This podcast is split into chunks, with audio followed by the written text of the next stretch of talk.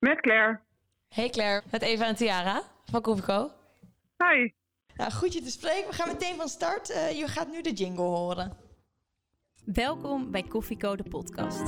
De podcast voor en door geneeskundestudenten. Waarbij wij, gewapend met een kop koffie, voor jou op pad gaan om interviews af te nemen met de leukste, interessantste en meest inspirerende artsen van Nederland. Dit is Koffieco. Hey Ko, ja wat doe je daar? Er staat een carrière voor je klaar. Maar je weet nog niet wat en waar. Een cappuccino maakt het minder zwaar. Dus zet je volumeknop omhoog. Want je luistert Koffieco en je weet het zo. Papa, papa, para, para. Welkom bij Koffieco de podcast, de special. Wij zijn Doris, Tessa en Tiara. En in de special gaan wij in gesprek over vakoverstijgende onderwerpen. Op dit moment is Nederland in de ban van het coronavirus. De feiten en cijfers liegen er niet om. Er is veel aandacht voor en ook wij willen een aantal impressies met jullie delen. Vandaag weer een nieuw Koffie Corona interview met ook een nieuwe interviewster, namelijk Eva Heling, redactielid van Koffieco. Hoi, eh, ik ben Eva. Ik zit vandaag ook achter een microfoon samen met Tiara. Ja, en vandaag interviewen wij dokter Claire Loods, huisarts in Haarlem, ook wel bekend als de nuchtere huisarts Dr. Loods. Welkom. Hoi, leuk om er te zijn. Claire, voordat wij uh, inhoudelijke vragen gaan stellen, is er een vraag die wij niet uh, kunnen overslaan. Hoe drink jij je koffie? Uh, zwart. En soms een lekkere cappuccino. En is dat dan met havermelk of gewoon normaal? dat wisselt. Ik vind het eigenlijk allemaal lekker. Maar meestal drink ik mijn koffie gewoon strak zwart. Recht toe, recht aan. Oké, nou duidelijk. En dan kunnen we nu over naar de orde van de dag. Want um, een aantal weken geleden is een brief met de titel Bericht van een nuchtere Amsterdamse huisarts, geschreven door u, ja. viral gegaan op de sociale media. En ik, uh, ik wil graag een citaat eruit doen. U schreef toen. We doen alsof we de COVID-19 al onder controle hebben. Maar als we nu geen rigoureuze maatregelen nemen, dan glipt de controle uit onze handen. Ja, dat is een uh, hard statement die je daar maakt. Uh, kan je ons meenemen naar het moment dat je deze brief geschreven hebt? Ja, zeker. En uh, ik hoorde je u zeggen, je mag gewoon je en Claire tegen mij zeggen. Um, ja, ik heb die brief geschreven en dat was het weekend uh, waarin op zondagavond bekend werd gemaakt dat de scholen niet meer open zouden gaan, horeca dicht. Dus dat was het eerste moment van die grote maatregelen. En ik had de week daarvoor had ik uh, nou, uh, gewoon gewerkt in de huisartsenpraktijk. Ik had ook dienst gehad op de huisartsenpost. En uh, ik sprak steeds meer mensen die, waarvan ik dacht, shit, die zijn hartstikke ziek. En die hebben misschien wel COVID-19. En dat is ook de tijd. Uh, die week kwamen er veel mensen terug uit Oostenrijk van het skiën. Steeds meer mensen werden ziek. En um, de richtlijn was nog steeds dat je eigenlijk alleen maar COVID-19 kon hebben als je in aanraking was geweest met iemand die het bewezen had, of als diegene in het risicogebied was geweest. En ik dacht, dat is gewoon niet meer toereikend. Ik zag het onder mijn handen gebeuren eigenlijk. Klinkt alsof je veel, veel daarbij voelde. Zat je toen thuis en dacht je, nu moet ik on actie ondernemen? Ja, ik werd super onrustig. Dus ik dacht echt, dit kan niet. Er is gewoon een regelrechte ramp aan het ontstaan. En we kijken ernaar, we staan erbij en we kijken ernaar. Um, en ik sprak met een paar vrienden die zorgprofessional zijn. Ik had iemand heel nabij bij mij, die werd zelf ziek. Die had een collega ook nog die op intensive care lag. Dus het kwam echt heel dichtbij. En um, ik sprak allemaal zorgprofessionals en we zeiden doodleuk tegen elkaar: ja, ja, nee, er ontstaat echt een ramp. Toen dacht ik: kan toch niet dat we hier stil blijven zitten met z'n allen en denken: oké, er ontstaat een ramp. Ja, we hadden het wel aanzien komen, maar we hebben niks gedaan. Dus uh, nou, toen ben ik in de pen geklommen. Ja, je bent in de pen geklommen en je hebt uh, de brief geschreven. En hm. je hebt ervoor gekozen om de brief in de eerste instantie anoniem te schrijven. Waarom heb je, waarom heb je daarvoor gekozen? Ja, omdat ik vond dat het ging om de boodschap en niet om mij. Um, dus, en, en ik schreef die brief eigenlijk voor zeg maar, de kring van mensen om mij heen. Die mij kennen, of misschien zouden die het dan doorsturen. Dus die zouden dan zeggen: Dit is het bericht van Claire. Dat is gewoon een normaal type. En uh, dat is geen paniekzaaier. Dus ik, had, ik dacht dat bericht, ja, dat, dat stopt dan. Claire, wat hoopte je daarmee te bereiken met die brief? Ja, dat mensen zich zouden realiseren wat ernst was.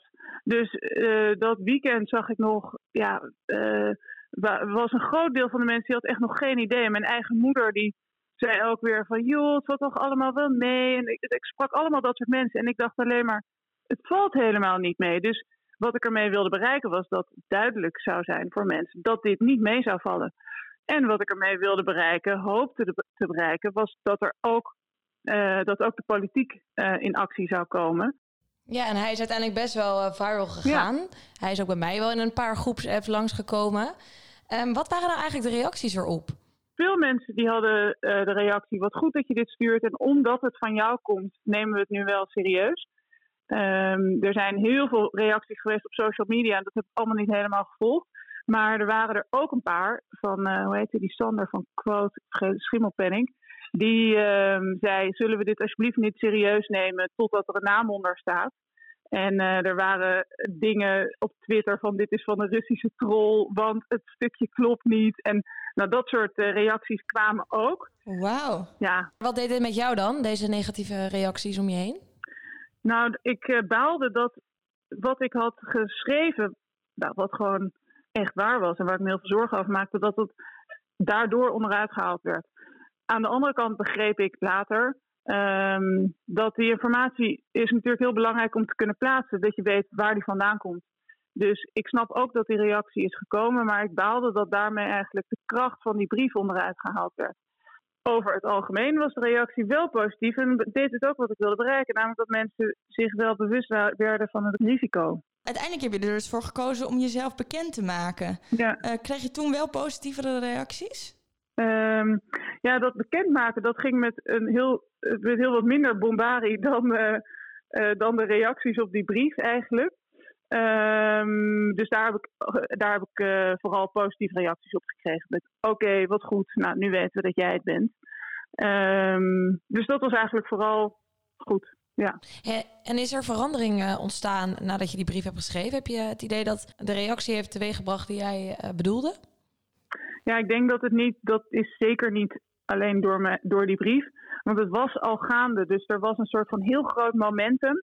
Op zaterdag kwam er een, een bericht van de Federatie van Medisch Specialisten. Die de politiek hebben opgeroepen om um, uh, de scholen de, de maatregelen te nemen, horeca dicht, thuiswerken.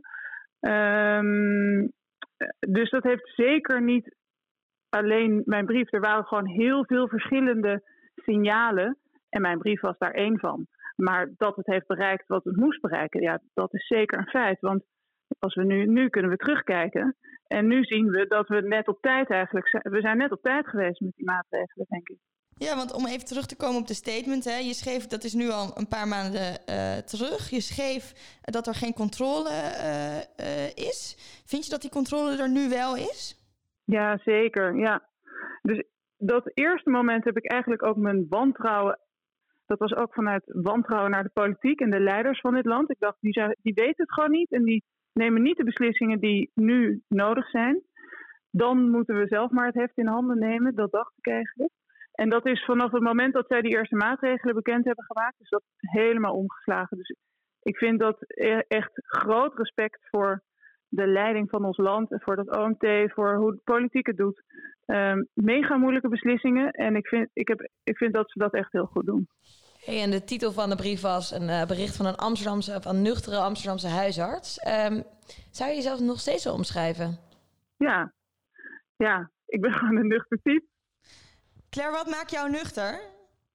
Ja, ik laat me niet zo snel opjagen. Op, uh, jagen. um, ik denk dat ik, uh, ik kan goed mijn hoofd koel houden, ook in stressvolle omstandigheden. Ik ben geen paniekzaaier. Dat is eigenlijk vooral waarom ik dat nuchtere wilde. Ik sta met twee benen op de grond. Ik uh, werk in Haarlem, ik heb, ik heb drie kinderen. Um, ik sta midden in het leven.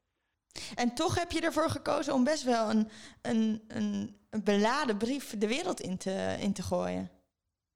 Is dat dan nuchter? Ja, dat voelde ik toen ook echt zo.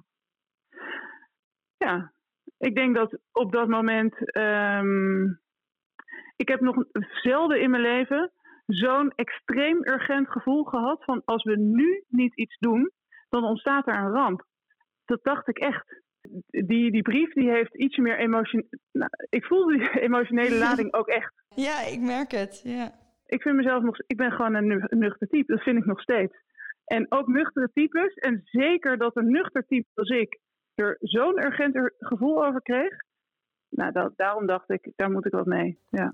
Jij, je bent erg betrokken en ook heel erg betrokken nu bij de, bij de COVID-crisis. Mhm. Ehm, je bent natuurlijk ook eh, ja, erg betrokken bij de nazorg van Mhm. eh, de COVID-patiënten. Ehm, en heb laatst ook een webinar eh, uitgebracht. Kan je ons wat meer vertellen? voor wie en wat voor webinar is dit eigenlijk? Dat webinar dat heet de Krachtige Nazorg voor COVID-19-patiënten, een multidisciplinaire aanpak. En ik, werk, ik werk in Haarlem, in Schalkwijk, en dat is een achterstandswijk. Achterstandswijken die brengen veel complexe zorg met zich mee voor de huisartsen. Om in die complexe situatie eigenlijk goede zorg te leveren, hebben wij een hele ehm, goede samenwerking met de andere eerste lijns disciplines. Dus de fysiotherapeut, de diëtist, het sociaal wijkteam, de logopedie, eh, het, eh, jeugd, eh, de jeugdzorg. Dus we werken heel goed samen, zodat we voor die complexe patiënten goede zorg kunnen leveren. Ik las laatst ook een artikel en dat ging over de nazorg van eh, coronapatiënten. Vind je dat dit genoeg aandacht krijgt in, eh, in Nederland, de nazorg? Ehm, ik ben natuurlijk heel erg gebiased. Want ieder nieuwsberichtje wat erover komt, dat sturen mensen wel aan me door. Of dat pik ik zelf op. Ben je dan gebiased of ben je dan op de hoogte? Ja, ehm, ik ben wel redelijk op de... Nou, laten we zeggen, ik ben op de hoogte. Eh, natuurlijk ben ik op de hoogte, want het is mijn vak. Maar nee, ik ben goed op de hoogte. Ehm, maar wat, er is een hele grote groep mensen, en daar hebben we nog niet zo goed zicht op, die ehm, eigenlijk relatief milde klachten hebben gehad van COVID-19, mild tot matig. Het zijn niet de mensen die naar de IC zijn gegaan, het zijn de mensen die zijn thuis ziek geweest of misschien een paar dagen in het ziekenhuis gelegen. En die blijven ongelooflijk lang klachten houden. En die ehm, groep die is denk ik veel groter dan we nu zien. Want dat zijn mensen die bellen dan hun huisarts één keer in de twee weken en zeggen: Ja, ik ben nog steeds ziek. En dan zegt de huisarts: Ja, ik kan ook niet zoveel voor je doen. Je moet het thuis uitzieken. En eh, die blijven een beetje onder de radar. Eh, Want Claire, welke belangrijkste aspecten in die webinar belichten jullie dan over die nazorg?